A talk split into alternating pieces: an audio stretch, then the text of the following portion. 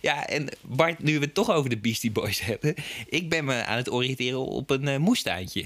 Oh, nou, maak even een giant leap hier. Maar uh, oké, okay, interessant.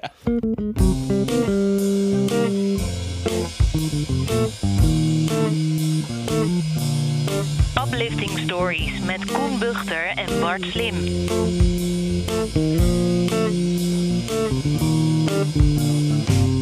Hoe is het, jongen? Ja, goed Bart. Ik uh, kom net uit het uh, centrum van Amersfoort en ik moest nieuwe schoenen hebben. En uh, ja, je kent het wel, bij de Albertijn heb je zo'n winkelmandje nodig. Verplicht, hè, vanwege corona.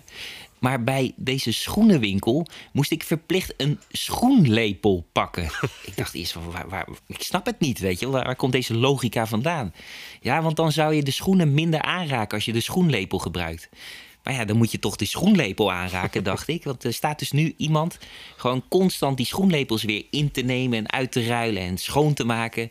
Volgens mij maken ze het een beetje onnodig uh, complex daarmee. Maar op een gegeven moment zat ik dus een schoen te passen daar.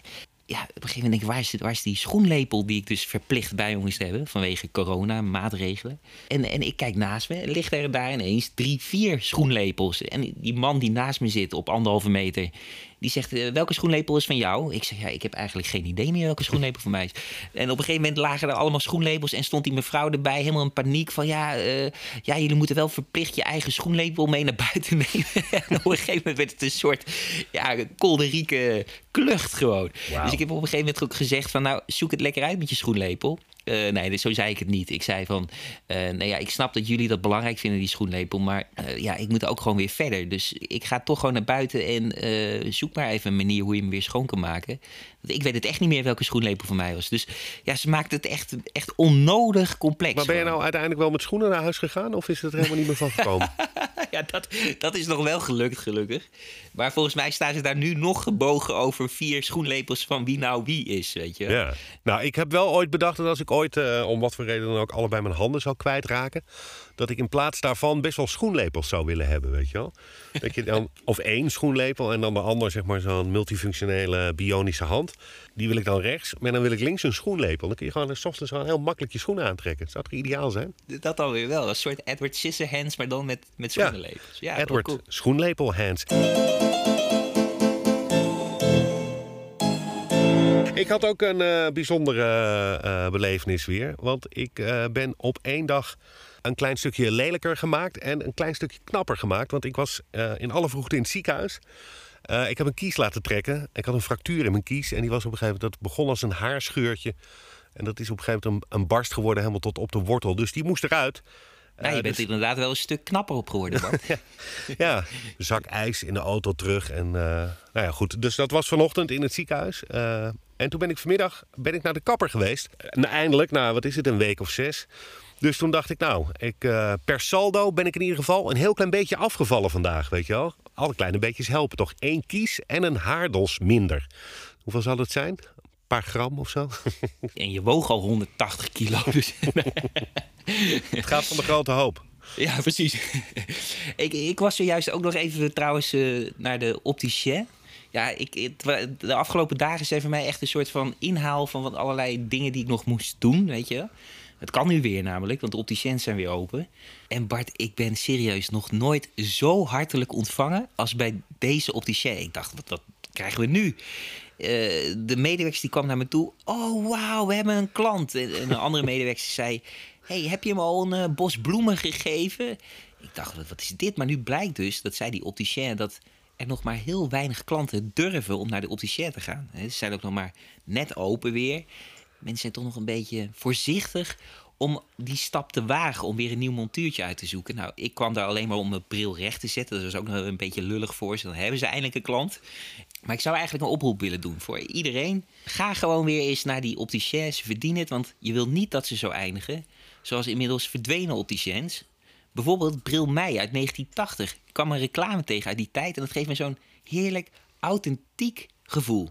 Bril Mei. Ken je die zaak nog? De bril voor mij van de bril mij. De bril voor mij van de bril mij. Een prachtig montuur en waarachtig niet duur. Je wordt er bediend als een heel goede vriend. En daar komt nog bij, de keuze is vrij de bril voor mij, van de bril mee. Nou, dat is toch uplifting nostalgie, Bart? Ja, prachtig.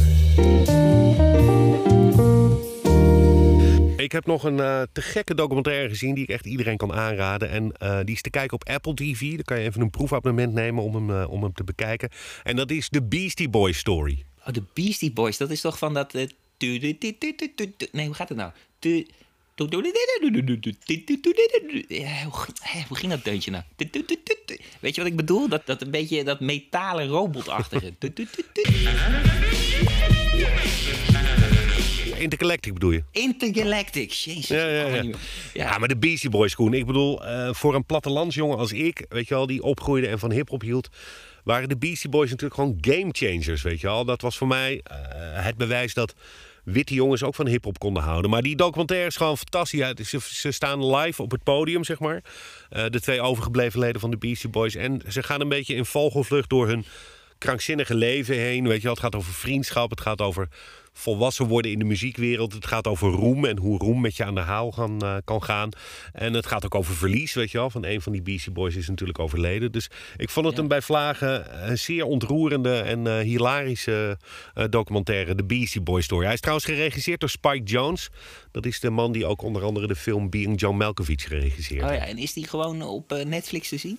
Nee, je moet even een abonnementje nemen. Of, via Apple TV kan je hem kijken. Dus als je, als je een Apple-mens bent, dan eh, kan je hem daar kijken. En ik bedoel, als je je best doet, dan eh, kan je hem vast wel ergens eh, op het dark web vinden of zo. Ja. Het is echt een aanrader, de Beastie Boy story.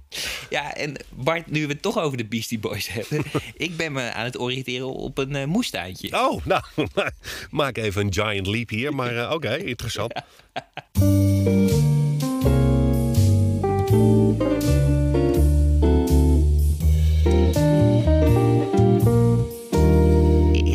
zie het wel zitten, weet je. Onbespoten groenten, vers fruit, zelfvoorzienend. Het lijkt me wel wat. Maar ik ben niet de enige, las ik. Eh, kranten hebben het erover dat eh, heel veel mensen nu thuis zitten... en heel veel aan het werk zijn in de tuin. De meldkamer van de politie die schijnt zelfs vier keer vaker dan normaal... telefoontjes te krijgen van burgers die nu ineens bommen in hun tuin vinden. Hè. Bommen uit de Tweede Wereldoorlog zijn het dan vaak. Als je die strijker nu uithaalt, dan vind je nog wel eens wat. Maar ik zie dat als eh, positief, Bart. Want ja, dan wordt het nog eens een keertje goed opgeruimd. Maar ik moest vooral denken aan een man uit Amerika. Die man die heet Ron Finley. Hij noemt zichzelf de Guerrilla Gardener. Hij komt uit een achterstandswijk in L.A. En eh, ja, hij reed daar rond in zijn eh, lowrider. En hij zag alleen maar fastfood om zich heen. Heel veel beton. En hij had trek. En hij dacht, ja, moet ik nou weer een burger gaan halen? Toen is hij dus ook een moestuintje gaan aanleggen. Maar dan in L.A. op gemeentegrond. En dit is wat hij er zelf over zegt. Urban gardening to me is putting food in urban areas where there is none. I mean, uh, to me, the fast foods are companies are occupying these areas. I don't call them food deserts. I call them food prisons. You know, because you literally have to escape and break out of these situations to get anything healthy. People ask me, why did I do this? What was my inspiration? I'm like, well, cancer was my inspiration, diabetes. En wat ik hier dus heel erg inspirerend aan vind, Bart, is dat zo'n man dus een, een probleem ziet. Hè? Hij ziet zijn wijk steeds meer beton worden, steeds meer fastfood. En hij denkt, ik ga gewoon een moestuintje aanleggen op gemeentegrond voor mijn deur. Want we hebben helemaal geen tuin. En, en dat inspireert dan weer andere mensen. Het schijnt nu dat duizenden mensen zijn voorbeeld volgen. Wereldwijd. Nou, dat vind ik echt uplifting. Ja, leuk. Mooi om te horen inderdaad. Hey, dan heb ik nog even twee korte podcast tips voor onze luisteraar. Eh, de ene is een podcastserie van Gijs Groenteman. Die maakt hij voor de Volkskrant. En normaal gesproken duikt, hij dan in het, eh, de archieven van de Nederlandse televisie en radio. Maar goed, we zitten natuurlijk allemaal nog eh, een beetje in lockdown. Dus wat hij nu doet is vanuit zijn eigen huis mensen bellen... en daar dan leuke gesprekken mee voeren. Eentje die er voor mij nogal uitsprong... dat is het gesprek van Gijs Groenteman met eh, Kees van Koten. Even een fragmentje. Hoe gaat het met je, Kees? ja, Dat vraag je tegelijkertijd aan heel Nederland. Ja. Hoe gaat het met dat eh, Kim net aan de lijn? ja, je en die dochter. zei, ja, het is, het is toch op de een of andere manier een, een heel gek vakantiegevoel wat ik heb. Hoe gek het ook klinkt. Eh, het gaat in die zin slecht met me dat ik eh, mijn kleinkinderen niet kan eh, knuffelen, om Ja. het nou maar gezellig te zeggen. Ja, En dat je je dan afvraagt, ja, hoe lang gaat dat nog duren?